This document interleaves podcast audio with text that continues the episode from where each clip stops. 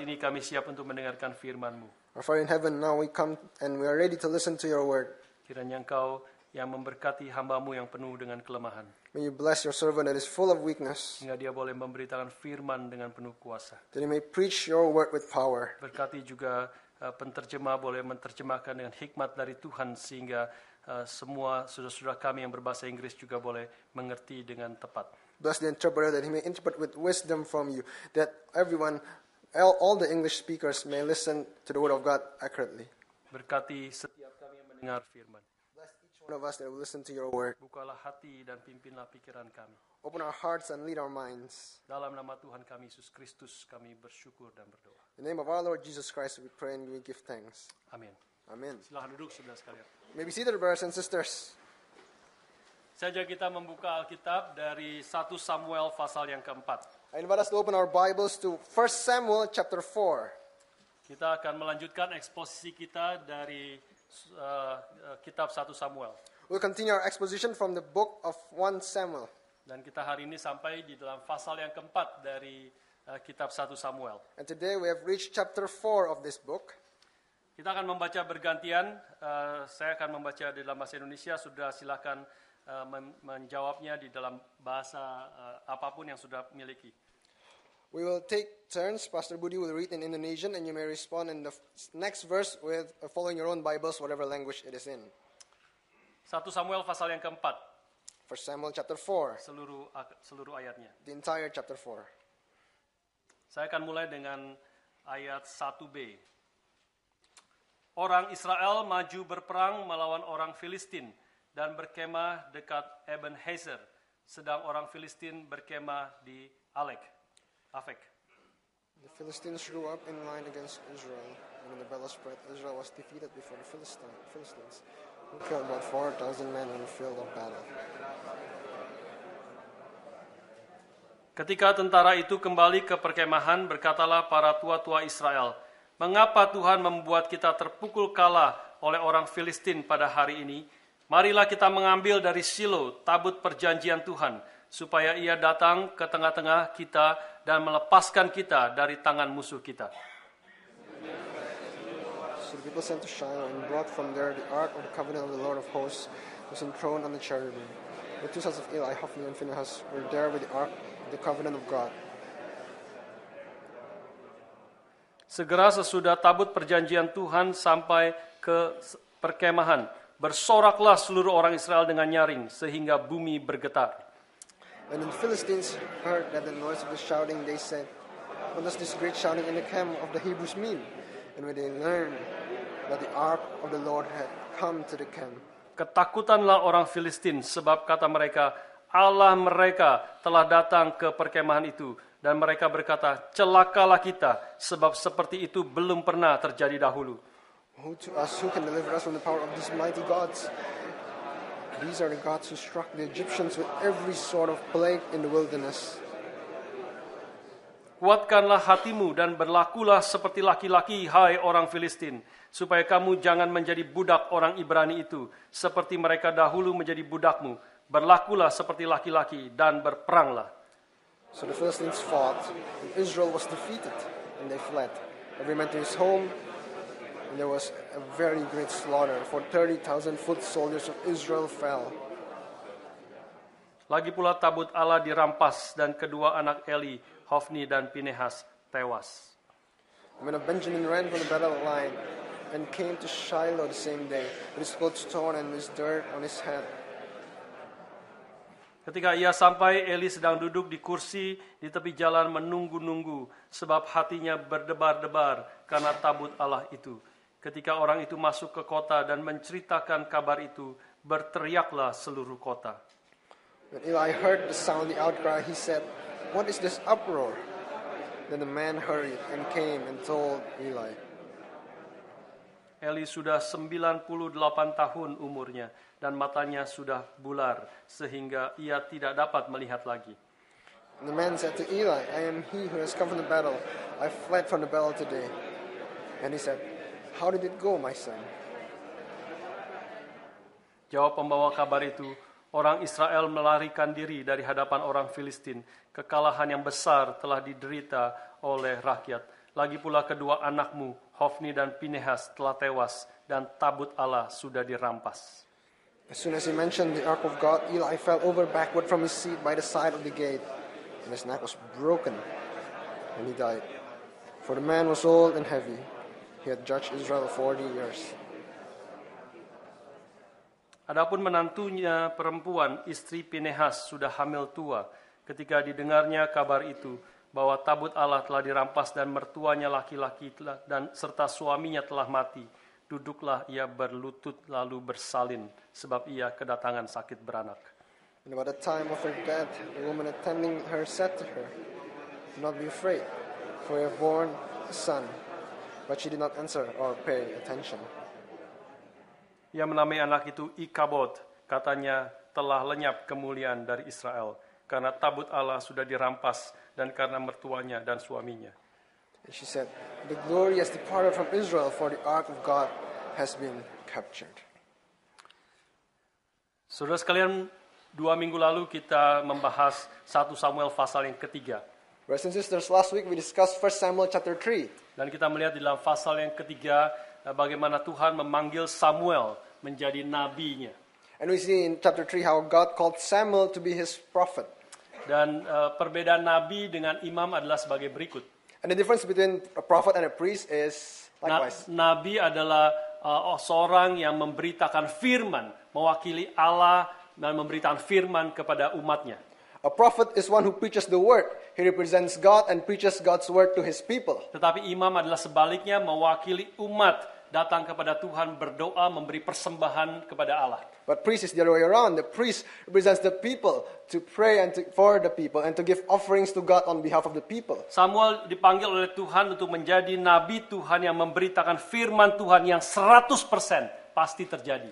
Samuel was called to be a prophet of God, to preaches the word of God that will happen 100%. Tidak seperti nabi-nabi yang menyebut diri nabi zaman sekarang yang seperti jam rusak. Not like the people that call themselves prophets these days, they are more like a broken clock. Kita mengetahui kalau jam rusak itu pasti juga di dalam 24 jam itu dia da- benar dua kali. You know that a broken, a broken clock in the 24 hours, they will at least be correct twice. Dia, kalau dia jam 10, dia akan benar ketika jam 10 pagi. If it stays at 10 o'clock, it will be correct at 10 o'clock in the morning. Dan dia akan benar lagi jam 10 malam. And it will be correct again 10 o'clock at night. Tetapi bagi Nabi Tuhan di dalam perjanjian lama menegaskan bukan hanya dia ada benarnya apa yang dia katakan tapi seluruh apa yang dia katakan pasti terjadi tidak mungkin gagal. But the prophets of God, as written in the Old Testament, is not only right once in a while, but what they say will definitely happen 100%. Kalau berdasarkan standar perjanjian lama maka kalau ada nabi yang mengatakan 100 nubuatan dan satu saja gagal maka dia patut dirajam oleh batu. And by the standard of the Old Testament, if there is a prophet that prophesies a hundred prophecies and one of them is wrong, then they should be stoned to death. Karena itu berarti dia bukan nabi Allah yang sejati, dia adalah nabi yang palsu. Because that means that he is not the true prophet of God, he is a false prophet. Saudara sekalian, dalam pasal yang keempat yang kita baca ini, kita menyaksikan realisasi dari perkataan Nabi Samuel.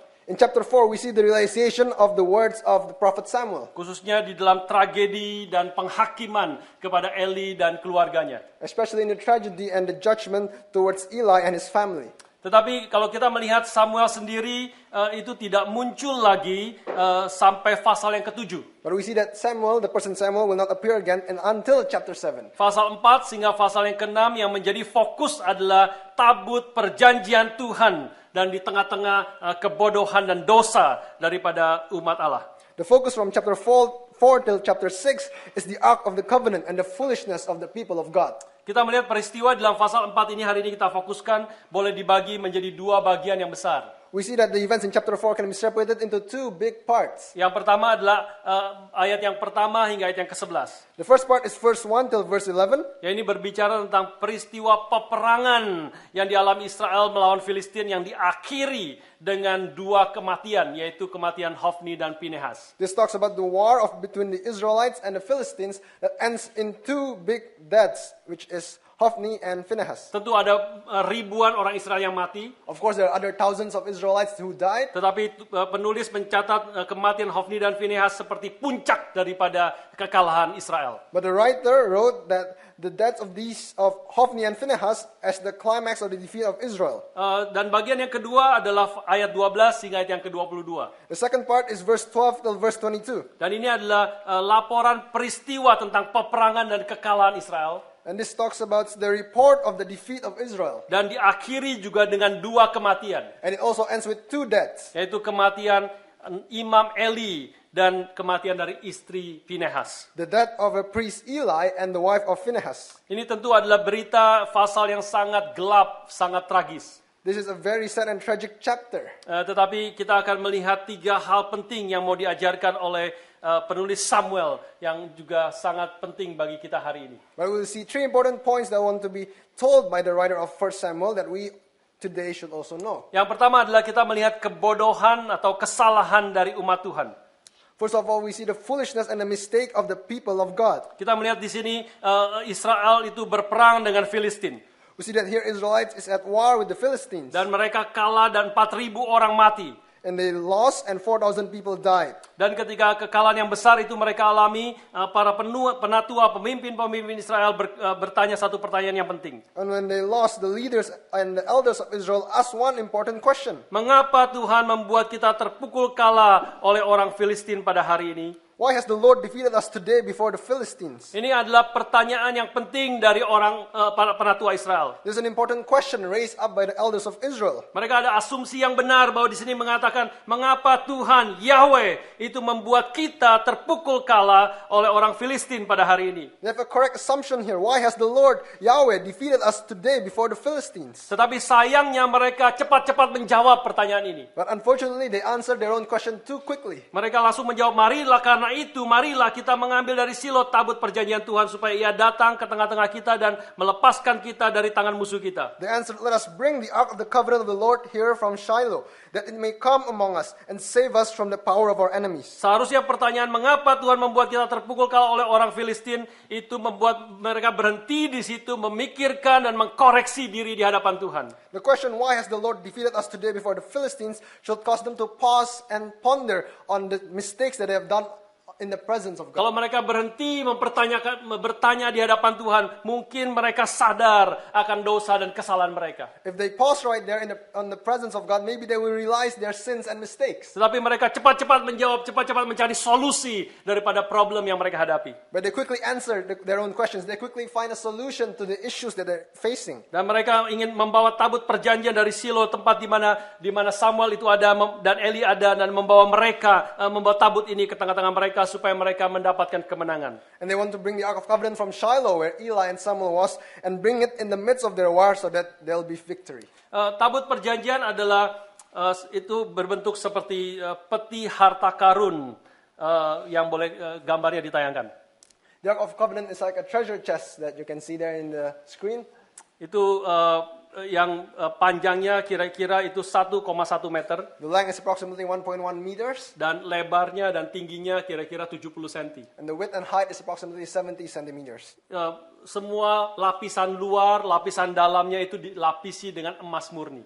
It is layered with pure gold inside out, Eh, dan detailnya saudara bisa baca di dalam eh, keluaran pasal 25. and you can read the details in Exodus chapter 25. Eh, dan yang tetapi yang paling penting adalah di dalamnya eh, tabut eh, perjanjian ini adalah 10 perintah hukum Taurat sebagai perjanjian antara Israel dengan Yahweh. But most importantly, inside this Ark of Covenant is the Ten Commandments that act as the covenant between Yahweh and the Israelites. Dan tabut perjanjian ini eh, di, eh, di tengah padang belantara itu ditaruh di dalam kemah suci.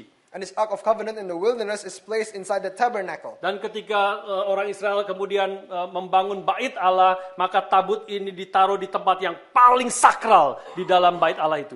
And when the Israelites eventually built the temple of God, they placed this Ark of Covenant in the most sacred place in the temple, yaitu yang disebut sebagai ruang maha suci. which is known as the Holy of Holies. Dan hanya ada satu orang yang bisa masuk ke tempat itu satu tahun satu kali. And only one person can enter into that room once every year. Yaitu imam besar itu harus membawa setahun sekali di dalam the day of covenant akan membawa darah kambing atau domba masuk ke ruang maha suci itu. There is the high priest that once a year they'll bring the blood of the lamb into that Holy of Holies. dan memercikkan darah itu di, di eh, kerubim dua kerubim yang yang menjaga di atas tabut pe- te- perjanjian itu. and sprinkled the blood on the two cherubims that are on the Ark of the Covenant. Tabut perjanjian ini eh, me- mena- me- me- memberi pengertian kita ke beberapa hal.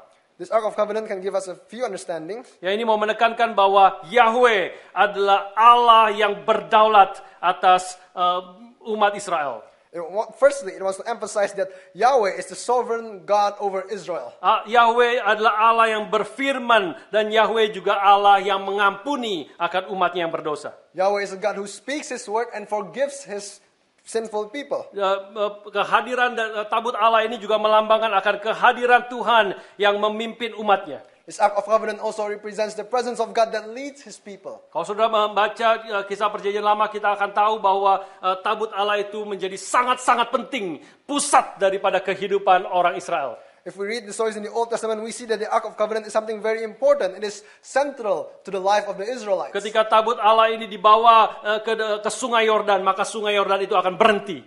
When the Ark of Covenant is brought to the river, to the river of Jordan, then the river stops. Ketika orang Israel akan melawan orang-orang di Kanaan, mereka membawa tabut Allah ini keliling tembok Yeriko selama eh, sebanyak tujuh kali, dan tembok itu hancur belebur. Then, when they were about to enter Canaan, they brought the Ark of the Covenant around Jericho, around the walls of Jericho seven times, and the walls crumbled down. Jadi tabut Allah itu menyatakan akan kebesaran Allah, kehadiran Allah dan Allah yang berfirman dan juga yang mengampuni akan umatnya. So, the Ark of the Covenant represents the presence of God, the greatness of God, and the God who speaks and forgives his sinful Dan people. Allah yang menyertai umatnya dan memenangkan mereka dalam setiap peperangan-peperangan yang mereka hadapi. And it represents the God that is with them and bring victory to them. Karena itulah kita mengerti Pak, eh, pemikiran daripada penatua eh, ketika mer- mereka mengatakan di dalam ayat yang 3b.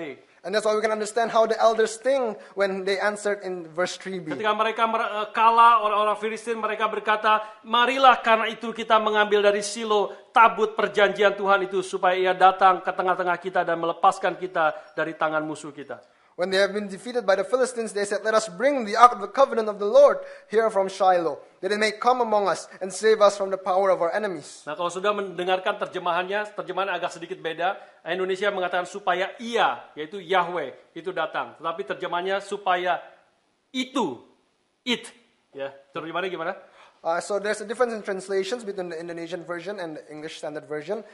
In the English Standard Version, it says, uh, Let us bring the ark of the covenant so that it, while in the Indonesian version, it says, So that he.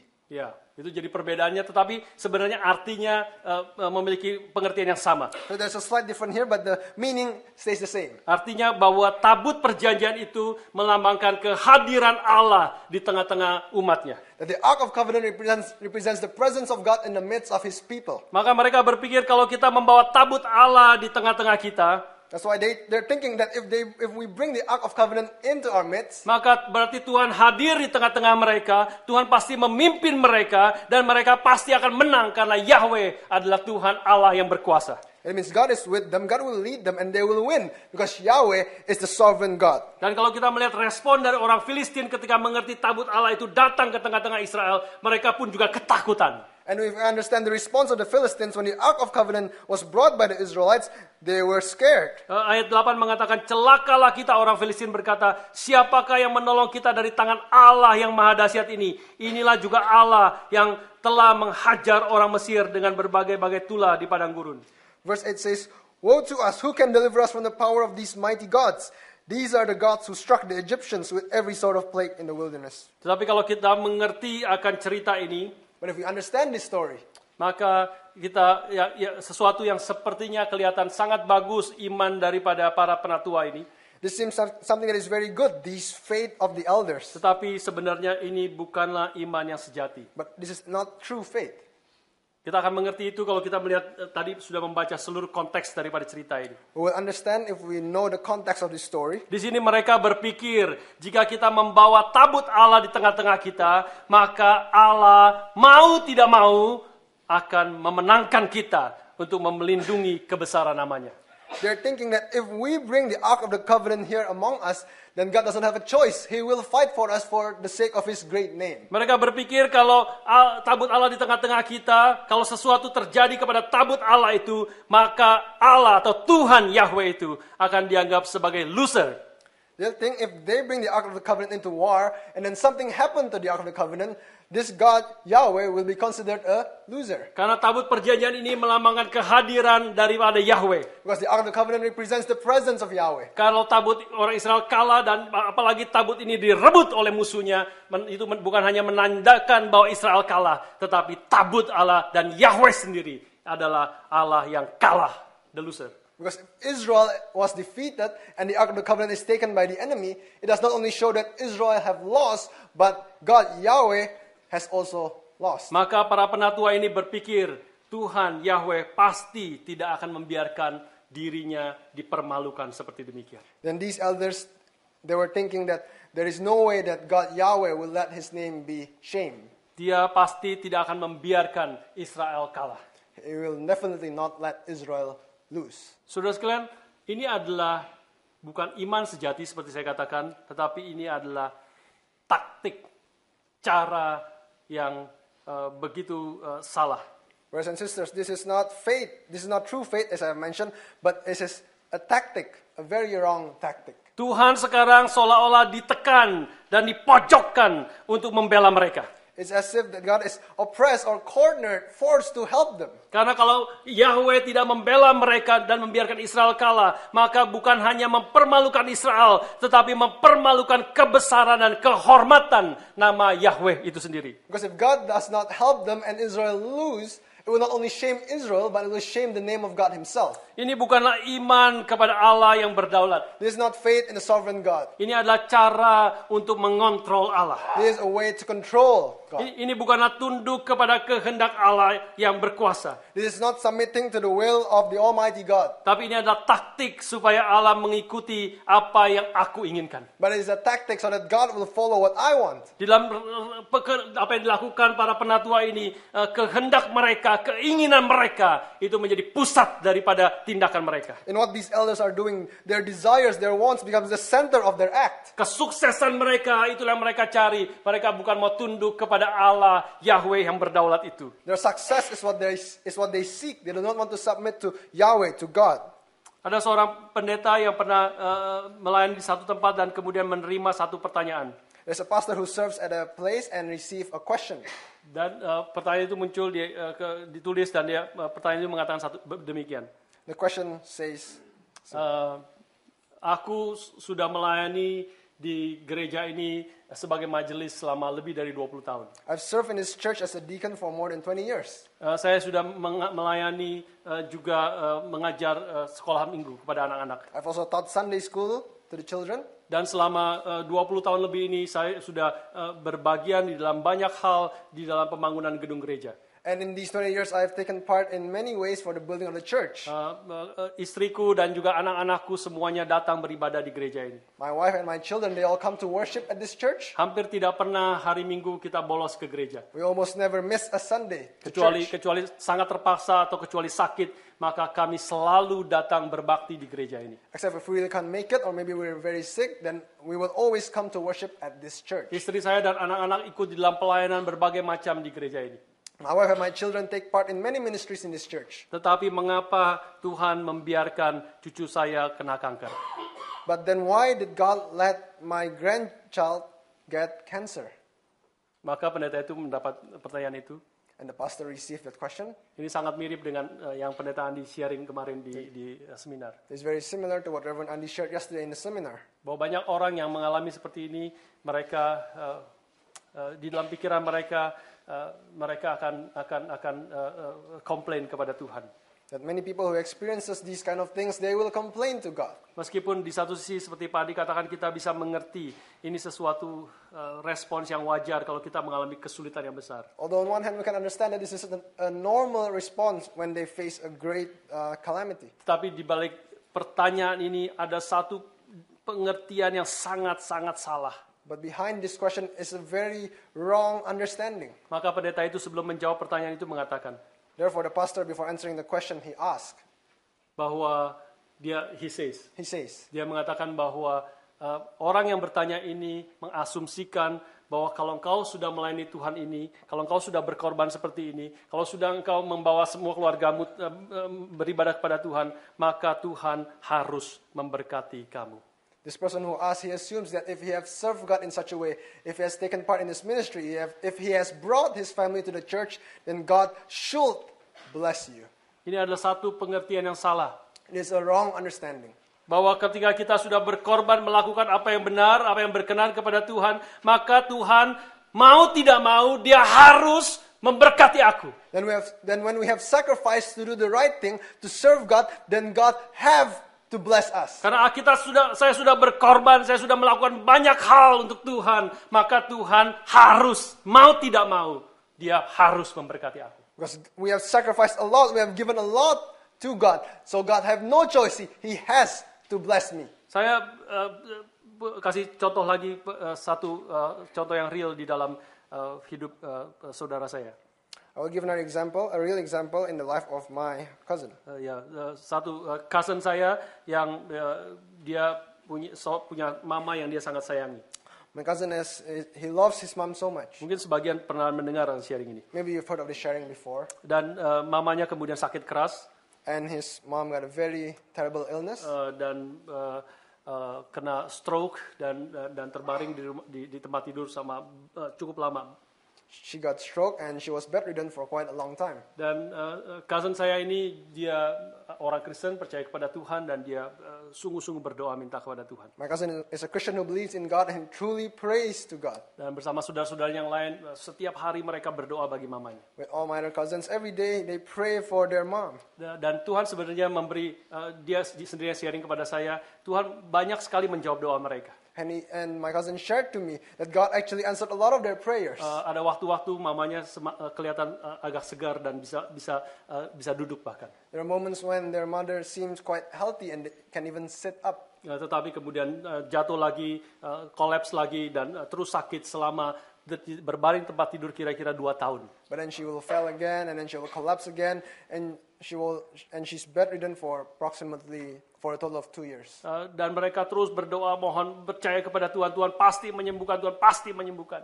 And they keep praying to God, and they trust God. God will heal. God will heal. Dan mereka berpuasa, sering berpuasa untuk kesembuhan dari mamanya. And they often fast for the healing of their mother. Dan mereka terus eh, ngotot, sungguh-sungguh minta kepada Tuhan dan mau- mau, eh, eh, untuk eh, Tuhan boleh menyembuhkan mamanya. And they keep demanding. They truly ask that God will heal their mom. Tapi kemudian satu saat setelah hampir dua tahun itu, eh, sepupu saya sharing bahwa waktu dia berdoa, Tuhan membukakan sesuatu di dalam hatinya. But after almost two years, my cousin shared to me that when, when he was praying, God opened something in his heart. Kita terus berdoa untuk kesembuhan mama, dia katakan. My cousin said that we all keep praying for the healing of our mother. Bagaimana kalau kesembuhan mama itu bukan yang Tuhan kehendaki? But what if God, it is not God's will for a mom to be healed? Maka dia sense Tuhan pimpin dia untuk dia berhenti berdoa untuk kesembuhan mamanya. Then he sensed that maybe God is leading him to stop praying for the health of his mother. Eh, dan dia sharing itu kepada saudara-saudaranya. And he shared this to his siblings. Eh, mungkin kita harus berhenti berdoa untuk kesembuhan mama. Maybe we need to stop for the health of mom. Mari kita berdoa serahkan mama ke dalam tangan Tuhan. Let us pray and surrender her to God. Eh, Saudara-saudara yang mengatakan tidak tidak pasti Tuhan sembuhkan Tuhan mengasihi kita pasti kita terus berdoa berdoa minta kepada Tuhan. The siblings replied that no, God will definitely heal. We must continue and keep on praying. God will definitely heal her. Tapi dia terus ngomong-ngomong menjelaskan menjelaskan tentang saya ra- saya percaya itu eh, Tuhan memimpin dia. But then he keeps explaining. I believe that God is leading him at that very moment. Dan akhirnya saudara-saudara setuju bahwa oke kita kita berserah bersandar kepada Tuhan dan eh, berkata kepada Tuhan bukan kehendak kami tapi kehendakmu yang jadi ya Tuhan.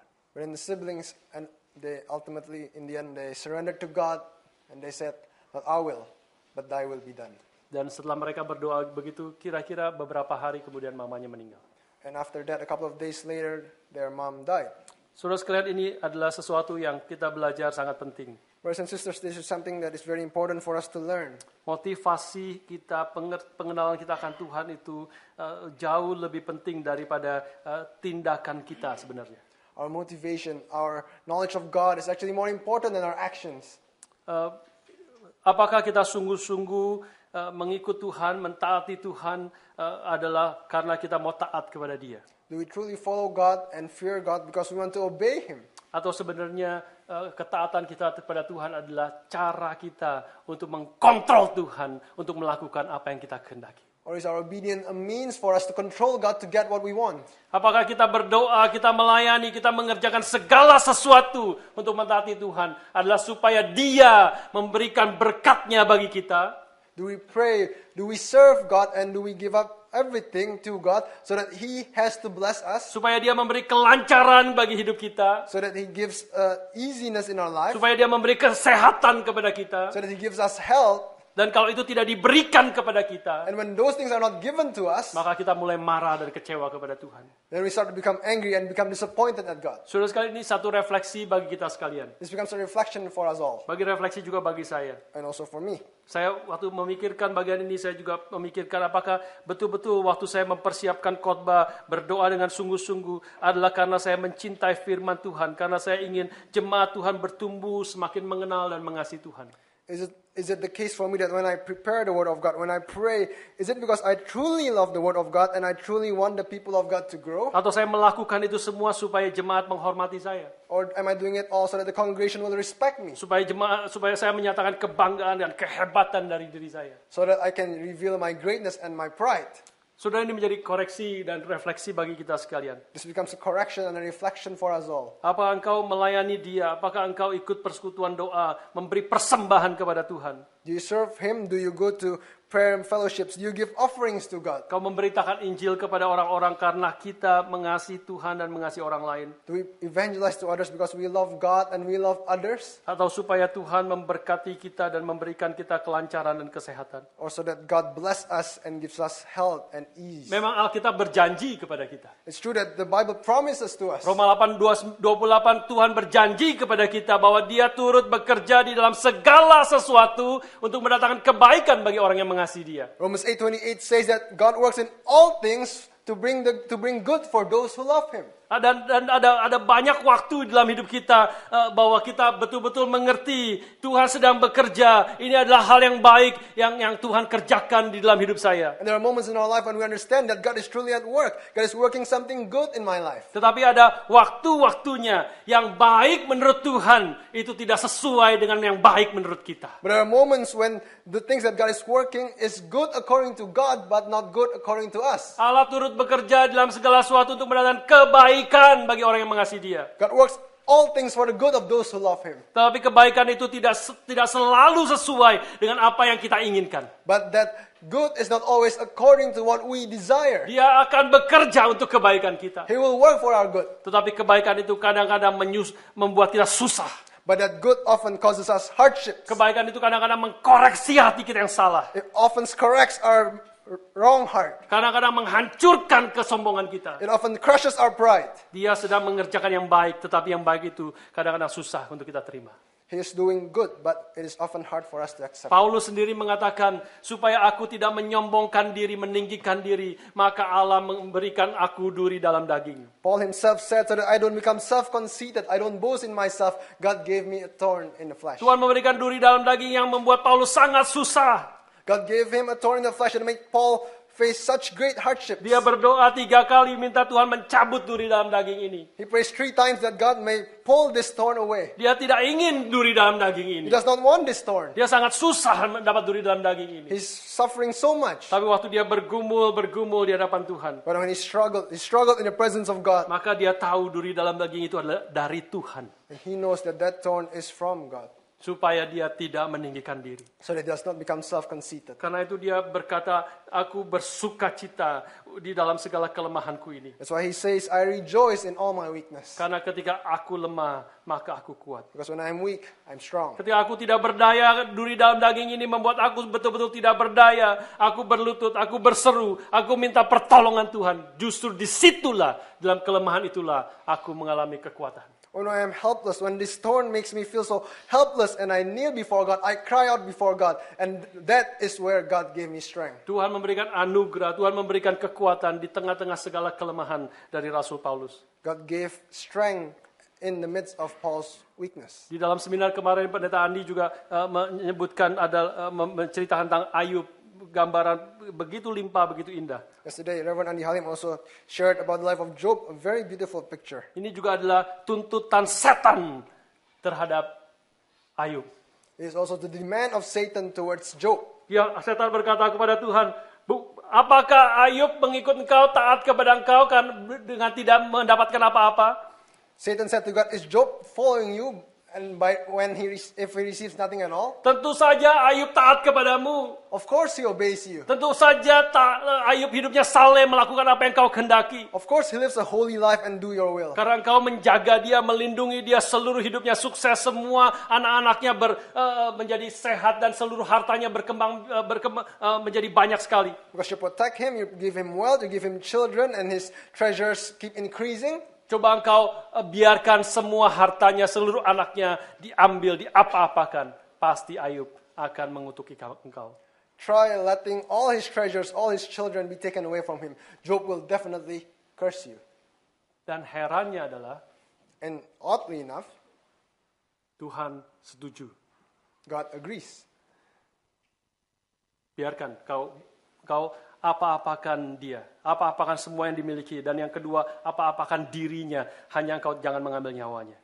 Go on. Ta- touch his treasure, and then even more, touch his possession, his children, as long as you do not touch his life. Tuhan membiarkan itu terjadi, menghancurkan hidup Ayub, tetapi sesungguhnya Tuhan sedang memurnikan hati daripada Ayub. God lets it happen. He lets Job's life get destroyed, but in that, he's actually purifying, sanctifying the heart of Job. Saudara sekalian, tu- kalau Tuhan mengasihi kita, Dia akan bekerja demikian juga di dalam hidup kita. And if God loves us, He will work in such a way as well in our lives. Menjadi koreksi renungan yang mendalam bagi kita, apakah kita sungguh-sungguh mengikut Tuhan ap- karena aku mengasihi Dia atau karena aku mendapatkan segala berkat anugerah eh, melalui mentak mengikuti Dia. This becomes a deep pondering and consideration for us. Do we truly follow God because we want to follow Him, or do we follow Him so that He for the blessings that He has given us? Kalau hari ini mungkin kita mengalami kegagalan, kalau kita mengalami banyak kecewaan, kalau anak-anak kita ada yang sakit, ada ada banyak kesulitan dalam hidup kita. Apakah kita masih sungguh mau mengikut Tuhan dengan segenap hati kita? If, we to, if today we experience hardships, suffering, disappointments, if something happened to our children, are we still willing to follow God with all of our heart? Atau kita belum mengalami segala penderitaan itu, tetapi satu saat Tuhan akan izinkan itu terjadi dalam hidup kita. Or maybe we're not experiencing these hardships, but one day God will let it happen in our lives. Apakah kita betul-betul masih eh, akan taat mengikut Tuhan, bahkan lebih lagi mentaati Tuhan dalam hidup kita karena Dia adalah Tuhan yang berkuasa atas hidup kita. We will still obey, we will still follow him, and even more so, we will still follow him because he is the God that is sovereign over our lives. Dan tetap percaya Dia bekerja di dalam waktu itu untuk mendatangkan kebaikan bagiku, orang yang mengasihi Dia, meskipun aku tidak mengerti saat itu. And believe that at that time, God, God is working something good in my life, the life of the person that loves him, even though I cannot see it. Eh, Saudara sekalian, Tuhan tidak akan membiarkan cara berpikir manusia dan iman yang salah dari anak-anaknya untuk terus eh, berlangsung dalam hidup kita. God will not let this wrong way of thinking, this wrong type of faith in the lives of his children to go on in our lives. Dia bahkan rela membiarkan dirinya kalah, membiarkan dirinya dihina untuk sementara untuk membongkar iman yang salah ini. He even, is even willing to let himself lose, to let his name be shamed for a while, so that he can restore the faith of his people. Ketika tabut Allah itu tiba, kita tadi sudah saya katakan maka eh, Filipin orang Fil- Filistin itu eh, ketakutan luar biasa. As I've said before, when the Ark of Covenant arrived, the Philistines were scared. Eh, tetapi kita meng- melihat di sini eh, orang Filistin itu berkata, "C- eh, kuatkanlah hatimu, But we That's see Milan. But we see here that the Philistines said, Take courage. Eh, berlakulah seperti laki-laki, supaya kamu jangan menjadi budak orang Ibrani itu seperti mereka dahulu menjadi budakmu. And be men, lest you become slaves to the Hebrews as they have been to you. Meskipun mereka ketakutan tabut Allah datang, berarti Yahweh datang menyertai orang Israel. Even though they were scared that when the Ark of Covenant arrived, it represents Yahweh, the presence of God of Israel. Tapi mereka mengkuatkan hati mereka, mereka berani melawan akan orang Israel. But they strengthened their heart and they dared themselves to fight against the Israelites. Dan hasilnya ayat 10 dan 11. And the result is verse 10 and 11. Lalu berperanglah orang Filistin sehingga orang Israel terpukul kala mereka melarikan diri masing-masing ke kemahnya. Amatlah besar kekalahan itu. Dari pihak Israel gugur 30 ribu orang pasukan berjalan kaki. Lagi pula tabut Allah dirampas. Dan kedua anak Eli, Hofni dan Finehas tewas. So the Philistines fought, and Israel was defeated, and they fled, every man to his home. And there was a very great slaughter, for 30,000 foot soldiers of Israel fell, and the ark of God was captured. And the two sons of Eli, Hophni and Phinehas, died. Ketika ha- kesi- ke- hal ini terjadi maka hanya ada satu kesimpulan. When this happened, then there is only one conclusion Yahweh, Tuhan dari Israel telah kalah. Yahweh, the God of Israel, has lost. Dia tidak mampu mengalahkan orang Filistin. He was not able to defeat the Philistines. Bukan hanya Israel yang kalah, tetapi Yahweh was the loser. It was not only Israel that lost, but Yahweh was the loser. Itulah yang ada dalam pikiran orang Filistin juga. That is what is in the thought of the Philistines. Meskipun pertama-tama mereka ketakutan, Yahweh yang berkuasa itu sekarang datang di tengah-tengah Israel. Even though at first they were scared that the Almighty Yahweh is now in the presence of Israel. Tapi ketika mereka akhirnya mengkuat-kuatkan diri melawan Israel But when they take courage and fought against Israel, dan mereka mengalahkan Israel, and they defeated Israel, bahkan 30 ribu orang mati, tabut Allah direbut, Hofni dan Finehas mati. 30,000 people died, the Ark of the Covenant was taken, Hophni and Phinehas died, Maka mereka akan menghina Yahweh. then they will mock Yahweh. Siapa Yahweh itu? Who is this Yahweh? Katanya hebat, People say he's great. katanya bisa meng- menghancurkan Mesir yang kagak perkasa itu. They said that he can destroy Egypt that is all powerful. Sekarang dengan kekuatan kami, maka Yahweh bertekuk lutut tunduk di hadapan kami. Now with our strength, Yahweh is kneeling down before us. Ketika Filistin mengalahkan Israel, When Philistines defeat the Israelites, bukan hanya Israel yang kalah, tetapi Yahweh sebenarnya dianggap the loser. it's not only Israel that lost, but Yahweh is considered a loser. Tapi betul benarkah itu yang terjadi? But is this truly what happened? Seperti itu yang terjadi memang. It seems like that's what happened. Tetapi kita melihat uh, di dalam bagian selanjutnya uh, masuk ke dalam poin yang kedua di sini bahwa uh, uh, penulis 1 Samuel ingin menyatakan sesuatu yang memiliki ironi yang begitu dalam. But we see, we're entering the second point now, we see that the order of First Samuel is trying to sh- show us a very deep irony.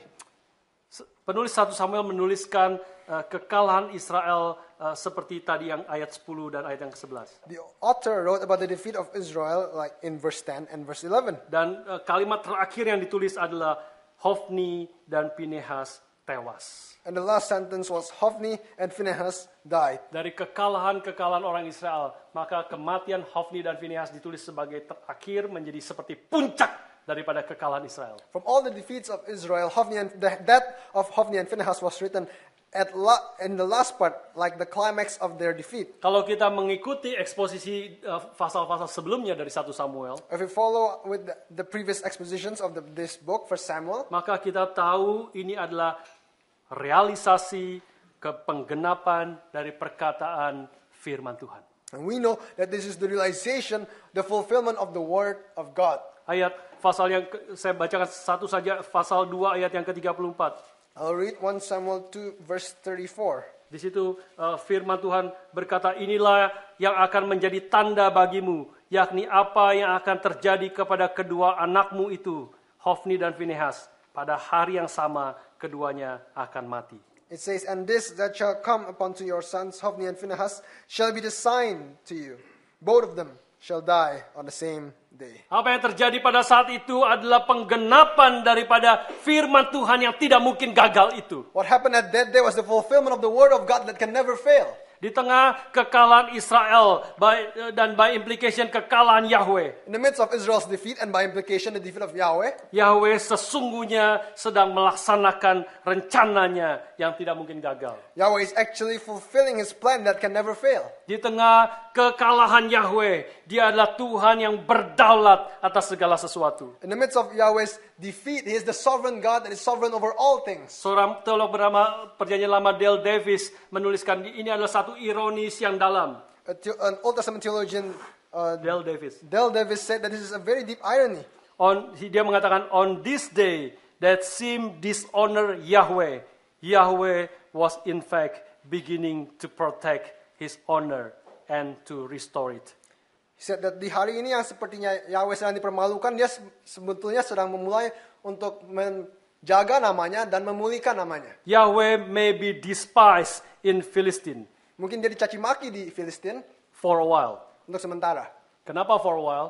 Why only for a while? Nanti saudara kalau baca kita melanjutkan eksposisi di dalam pasal yang kelima.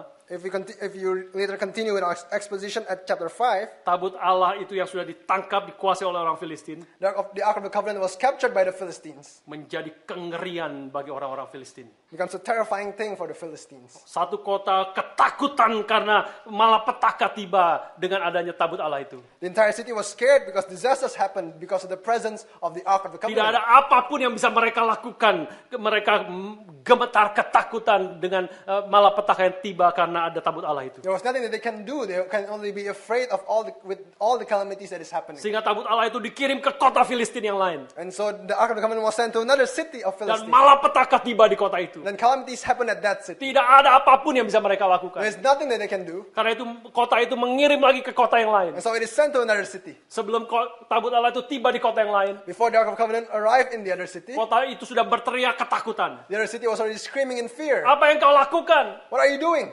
Apakah engkau ingin membinasakan semua kota ini? Do you want to cause all these cities to perish? For a while, Yahweh kelihatan kalah. For a while, it seems that Yahweh was defeated, Tapi sesungguhnya dia sedang menggenapi rencananya firman yang kekal. but truly is fulfilling his eternal plan. Yahweh may be despised in Philistia, Yahweh mungkin dicaci maki di Filistin, but he will he uh, but he will no more be despised in Shiloh tapi tidak akan dicaci maki lagi di Silo. for in his judgment he is removing false shepherds who cause his people to go astray Karena dalam, dalam penghakimannya dia sedang menyampingkan gembala-gembala yang palsu yang sudah memimpin uh, umatnya ke jalan yang salah. ini adalah cara Tuhan yang ajaib This is God's miraculous way yang terus berulang-ulang dinyatakan di dalam Alkitab that over and over again is revealed in the Bible. inilah eh, eh, juga eh, cara Tuhan bekerja di dalam ha- hidup anak-anak Tuhan This is also how God works in the life of his children. Yudas yang berencana eh, un- dengan kebenciannya, dengan eh, eh, ke- peng- eh, kekecewaannya, dia ingin menjual akan eh, Yesus gurunya. Judas that planned with all his hatred and disappointment to betray his teacher. Seperti langkah yang terakhir untuk membinasakan, menangkap, dan mengalahkan Kristus. It's like the last step to capture and to defeat Jesus. Tetapi kita mengetahui justru Tuhan pakai itu, bekerja di situ untuk menggenapi rencananya. But we know that God actually worked at that very moment to fulfill his plan. Saudara biarlah kita menjadi umat Allah yang selalu taat kepada Tuhan. May we become a people of God that is always obedient to God.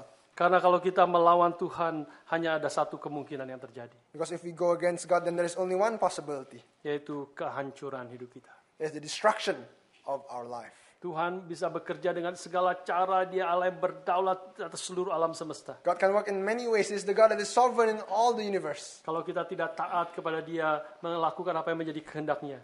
If we do not obey him and do what is his will, Dengan kata lain kita melawan apa yang menjadi kehendaknya. in other words, we go against his will, Hanya ada satu ah, hal yang terjadi dalam hidup kita, there can only be one thing that happened in our life yaitu kita hancur dan binasa. that we will be destroyed and we perish. Biarlah kita menjadi umat Tuhan yang sungguh-sungguh mentaati, mengasihi Tuhan, bukan untuk mendapatkan segala eh, kelancaran kesehatan dalam hidup kita. May we be people of God who truly love and obey God, not to gain wealth and health in our life, Tapi kita mau mentaati dia, mengasihi dia karena dia terlebih dahulu sudah mengasihi kita. but we want to love Him because He has first Karena loved dia adalah us. Tuhan yang layak menerima segala hormat, pujian, ketaatan kita apapun yang dia boleh kerjakan dalam hidup kita. Because he is a God that is worthy to receive all, all glory, all glory, all honor, and all obedience from us. Biarlah kita dengan hati yang sungguh-sungguh, eh, bukan dengan strategi-strategi dalam hati orang yang berdosa untuk menguasai Tuhan dalam hidup kita. May we would have we with a pure heart, not with a heart that is filled with tactics on how to control God. Eh, Tim Keller mengatakan, eh, eh, baik orang yang tidak beragama maupun orang yang beragama, itu sama-sama tidak mau tunduk kepada Tuhan. Tim Keller said that both non-religious people and religious people do not want to submit under God. Eh, Orang yang tidak beragama eh, mengatakan, Tuhan aku tidak mau taat kepadamu, aku akan melakukan apa yang aku ingin lakukan.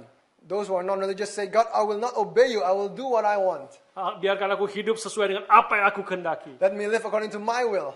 Maka itu adalah kesombongan yang akan dihancurkan Tuhan. Then that is a pride that will be destroyed by God Dengan segala kesulitan dan ultimately dengan kematian. with all of the hardships and ultimately with death. Tetapi orang-orang yang beragama juga bisa manipulasi Tuhan dengan cara yang berbeda. But those with religion can also manipulate God in a different way. Dia akan mengatakan, aku akan mentaati engkau Tuhan. Aku akan melakukan segala kehendakku, ke kehendakmu. Aku akan melakukan segala eh, eh, hal-hal yang yang kelihatan eh, Tuhan inginkan. Tetapi semua itu supaya engkau menturuti akan kehendakku. He says, I will obey you, O God. I will follow your will. I will do what seems to be like your commandments. But ultimately, I'm doing it so that God, you fulfill my desire. Aku akan melakukan apa yang engkau kendaki supaya engkau sungguh-sungguh memberkati aku. I'll do what you want so that you really bless me. Sehingga Tuha- Tuhan itu bukan menjadi fuk- eh, fokus hidup kita. So that God is not the focus of our lives. Kasih kepada Tuhan menjadi fokus kepada bukan menjadi fokus dalam hidup kita. Love for God does not become the focus of our life. Tetapi keinginan kita, kebutuhan kita itu menjadi fokus dalam hidup kita. But our needs, our desires become, becomes the center of our lives. Seperti Pak Andi pe- pernah katakan dia berkali-kali mengunjungi orang-orang Kristen yang sakit, yang mengalami kesulitan dan kemudian komplain, Tuhan mengapa engkau membiarkan aku mengalami ini semua? Like Reverend Andy Halim said, he visited a lot of Christians who are in hardships and they are all complaining, God, why did you let me experience all these things? Saudara sekalian, biarlah kita sungguh-sungguh bertanya di dalam hati kita kalau Tuhan mengizinkan segala kesulitan terjadi di dalam hidup kita, apakah kita masih sungguh-sungguh mengikut Dia? Brothers and sisters, may we ask ourselves, if God let all these hardships happen in our life, will we truly still follow Him? Biarlah kita taat kepada Tuhan bukan hanya secara luar saja, Let's obey God not only on, our, on the outside, bukan hanya apa yang kita lakukan secara yang kelihatan, not only in what we do, what people can see, tetapi motivasi hati kita yang paling dalam, kita sungguh-sungguh mau mengasihi Tuhan dan memuliakan Tuhan apapun yang terjadi di dalam hidup saya. but let our motivation be truly to love Him and to glorify Him no matter what happens in our life. Kita melihat terakhir eh, tragedi orang-orang yang tidak taat sepenuhnya kepada Tuhan. We see here, that lastly, the tragedy that happens to those who does not fully obey God. Ayat ke-12 hingga ayat yang ke-22. Verse 12 to verse 22. Ini menggambarkan eh, keadaan Eli yang sangat tragis. This depicts a very tragic condition of Eli, Um, Eli yang sudah tua dan yang buta dan yang berbadan besar gemuk sekali. Eli who is old and blind and is heavy and fat. Dan dia duduk di tepi jalan dengan hati yang berdebar-debar dengan hati yang kacau. And he was sitting on a street with an uneasy heart, with a trembling heart. Khususnya hatinya kacau karena tabut Allah itu dibawa dengan di- dipimpin oleh Hofni dan Phineas kedua anaknya. Especially because the Ark of the Covenant was taken and led by Hophni and Phinehas, his two sons. Datanglah berita tragis eh, eh, tentang eh, tabut Allah yang direbut, umat Israel yang kalah dan kedua anaknya yang mati. Came the tragic news of the Ark of Covenant, how the Israel was defeated, the Ark of Covenant was taken, and his two sons died. Meskipun Eli ada hati yang takut akan Tuhan, tetapi dia eh, tidak sepenuhnya sungguh-sungguh taat kepada Tuhan. Even though Eli has a God fearing heart, he does not obey God fully. Ya, ketika dia dengar tabut Allah itu direbut, maka eh, jatuhlah dia terlentang dari kursi dan lehernya patah dan dia mati. When he heard the news about the, how the Ark of Covenant was taken, he flipped backward from his chair, he fell and broke his neck, and he died. Dan berita ini jelas terlalu berat bagi istri Fine- Finehas. And all these news are obviously too heavy for the wife of Phinehas. Istri Finehas yang sedang hamil tua ketika mendengar akan semua tragedi ini dan termasuk kemudian eh, mertuanya yang mati dan eh, is- suaminya yang mati, dia langsung melahirkan dan mati. This wife of Phinehas, who was pregnant when she heard all this tragic news, including the death of her father in law and also her husband. She immediately gave birth and she then died. Tapi sebelum istri Pinehas mati, dia mengatakan satu kalimat yang penting. But before the wife of Phinehas died, she said a very important statement. Ayat 22 mengatakan, Verse 22 said, Telah lenyap kemuliaan dari Israel, sebab tabut Allah telah dirampas. The glory has departed from Israel, for the ark of God has been captured. Dan nama anaknya me- me- merefleksikan akan eh, realita ini. And the name of her child represents this reality. Anak yang disebut Ikabod, yang berarti no glory. She named her child Ichabod, meaning no glory. Tetapi teolog eh, H.L. Ellison mengatakan satu kalimat seperti ini. But theologian H.L. Ellison said a statement. Istri kalimat dari istri Penehas ini salah. The statement of this wife of Phinehas is wrong. Kemuliaan Allah memang telah lenyap dari Israel. Yes, the glory of God has vanished from Israel, Tetapi bukan karena tabut Allah telah dirampas. but not because the ark of covenant has been taken, Tabut Allah telah dirampas karena kemuliaan Allah telah lenyap dari Israel. but the ark of covenant has been taken because the glory of God has left Israel. Tabut Allah itu telah dirampas. Ini adalah bukan sebab, tetapi ini adalah akibat dari ketidaktaatan Israel. The, the, the, taking, the ark of covenant being taken is not a result, but a, it's not a cause, but a result of the glory of God leaving Israel. Karena ketidaktaatan Israel, ketidaktaatan imam-imam mereka, maka uh, Allah meninggalkan umatnya. Because, the, because of the disobedience of Israel and their priests, God left his people. Kemuliaan Allah meninggalkan Israel. The glory of God leaves Israel. Karena itulah mereka, Tuhan ingin menyatakan sesuatu kepada mereka eh, dengan di- di- dibiarkannya tabut Allah, representasi dari Allah itu sendiri dirampas oleh Filistin. And because of that, God wants to show them by letting the Ark of the Covenant, that symbolizes the presence of God Himself, to be taken by the Philistines. Jadi tabut Allah itu telah dirampas karena kemuliaan Allah telah lenyap dari Israel. And so the Ark, of, the Ark of the Covenant was taken because the glory of God has left Israel. Tuhan di sini ingin mengajarkan dengan sejelas-jelasnya kepada Israel God here wants to teach them as clearly as possible bahwa Dia tidak berkenan terhadap segala ketidaktaatan mereka. that He is not pleased with all of their disobedience. Saudara sekalian, ini waktu saya membaca merenungkan bagian ini juga menjadi peringatan yang mengerikan bagi gereja-gereja zaman sekarang termasuk kita. When I read and pondered on this part, this becomes a terrifying warning for all the churches at this present moment, and as well as our church. Apakah Tuhan masih hadir di tengah-tengah ibadah setiap minggu yang kita lakukan? Is God truly present in every in the services that we have every single week? Apakah sungguh-sungguh Tuhan dipermuliakan kehadiran Tuhan nyata di tengah-tengah kita? Is truly God glorified in this moment in the presence of this service? Atau minggu lepas minggu kita datang ke gereja, kita hanya playing church. Or is week by week we come to church, we're only playing church? Dengan ritual-ritual hal yang kita lakukan yang sebenarnya kosong dan tidak eh, eh, tidak eh, menyatakan kehadiran Tuhan meskipun gedung besar, meskipun mungkin jemaat banyak, tetapi Tuhan tidak hadir dan itu menjadi nol besar dari semua yang kita kerjakan. With all the rituals and the things we do week by week, but God is not actually present.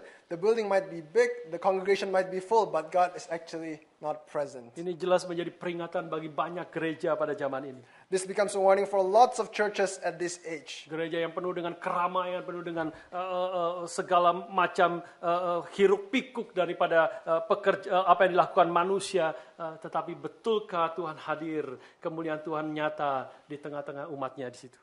This church that is full of people and full of the things that people are doing, but is the glory of God, the presence of God actually there with the church? Kalau Tuhan tidak hadir, maka semua gedung yang besar, maka orang yang banyak, maka seluruh pelayanan yang begitu banyak, semuanya tidak ada artinya sama sekali. If God is not there, then no matter how big the congregation is, no matter the things and the ministries that they do, it is actually in vain. Waktu saya membaca bagian ini, hati saya gemetar. When I read this part, my heart trembles. Betulkah Tuhan hadir dan memberkati eh, dan eh, sungguh-sungguh berkenan apa yang kita kerjakan? Is God truly present and is pleased with what we're doing? Betulkah Dia berkata-kata ke dalam hati kita? Is God truly speaking to our hearts? Betulkah kita adalah umat Tuhan yang sungguh-sungguh menghargai perkataan firman Tuhan? Are we truly a people of God that truly appreciates the Word of God? Seperti Maria yang mendengar firman itu, merenungkannya dan menyimpannya, menghargainya sungguh-sungguh dalam hati dia. Like Mary, who, upon receiving the Word of God, pondered it and treasured it in her heart. Apakah kita sungguh-sungguh sadar Tuhan berkenan dan hadir di tengah-tengah kita. Are we tr- do we truly realize that God is pleased and is with us? Dalam konteks ini kita bisa melihat dua tanda kehadiran Tuhan, In this context, we can see two signs of the presence of God. yaitu Tuhan hadir ketika firman-Nya yang sejati itu diberitakan. That is, He is present when His true word is being preached. Dan yang kedua adalah Tuhan hadir ketika umat Tuhan sungguh-sungguh mendengar firman Tuhan dan memiliki hati yang mau taat kepada Tuhan.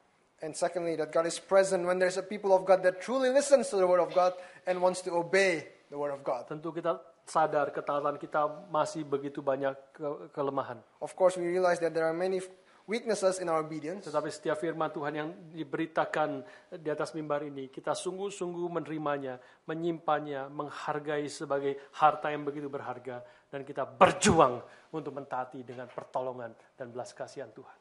but may the, every word that is preached from this pulpit, we keep it in our hearts, we treasure it, we strive to obey it for the glory of God and by the grace of God. Tapi ketika kalau kita mendengar firman Tuhan, firman demi firman yang diberitakan, dan kita anggap sebagai angin lalu, But if when we listen to the word of God week by week, we just take it for granted. maka itu salah satu tanda mungkin Tuhan tidak lagi hadir dan memberkati dan menyatakan kemuliaannya kepada kita. Then it's a sign that maybe God is no longer present, God is no longer blessing, and God is no long, then God's glory is no longer there in our midst. Mari kita dengan hati yang gentar mohon belas kasihan Tuhan Let us with a trembling heart ask for God's mercy. dan berdoa bagi banyak gereja-gereja Tuhan juga perayaan-peraian Natal pada bulan Desember ini. We also pray for many churches of God who are celebrating Christmas this month. Ada banyak perayaan Natal yang hiruk pikuk yang penuh-penuh dengan eh, ker- kemeriahan dan keramaian. Many churches of God celebrate Christmas with entertainment and with a lot of uh, cheerful noises. Mari kita berdoa Tuhan sungguh-sungguh hadir. Kemuliaan Tuhan sungguh-sungguh dinyatakan. But may we truly pray that God is present and the glory of God is revealed. Karena semua usaha kita, perjuangan kita, uang begitu banyak yang dihabiskan untuk kebaktian-kebaktian Natal. Tanpa Tuhan hadir dan menyatakan kemuliaannya, semuanya sia-sia belaka. Because all the effort, all the money we spend for these Christmas services, if God is not present during that moment, then it is all in vain. Mari kita berdoa s- untuk gereja kita, untuk Tuhan senantiasa hadir di tengah-tengah kita. Let us pray for our church that God be willing to be present amongst us, Biarlah dia boleh berfirman dan kita sungguh-sungguh eh, mendengar firman-Nya dan taat kepada firman-Nya. May God truly speak, and when we listen, we truly obey to His word. Kita berdoa Tuhan sendiri yang dimuliakan dan ditinggikan di tengah-tengah gerejanya. We pray that may God alone be glorified and exalted Tuhan in His church. berkenan untuk semua perkataan, pujian kita, doa kita kepada Tuhan. Bukan sesuatu yang memuakan akan eh, di hadapan Tuhan. That may God be pleased with our prayers, our words, our praises, that it may not be something that is displeasing in the presence of God. Mari kita berdoa. Let us pray.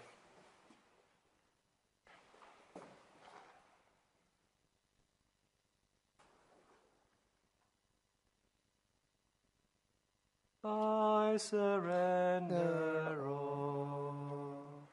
I surrender all. All to thee, my blessed Savior. I surrender all. Mari kita berdiri Let's bersama-sama. all stand up together. I surrender all. I surrender all. All to thee, my blessed Savior, I surrender all. Minta dengan hormat Pendeta Andi Halim memimpin kita di dalam doa. Can ask Reverend Andy Hallin respectfully to lead us in prayer.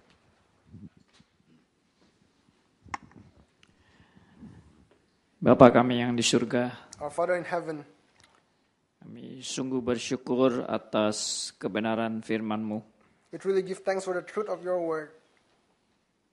bahwa Tuhan begitu mengasihi setiap anak-anak Tuhan. that God truly loves all the children of God.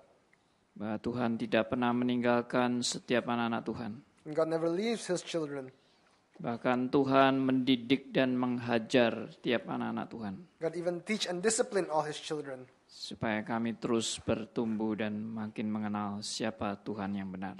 that we truly grow and learn to know who the true God is. Tuhan memakai segala cara baik hal yang kurang menyenangkan kami tetapi semua tujuannya supaya kami terus bertumbuh. God used every means, even those that may not make us happy, but its goal is to make us grow.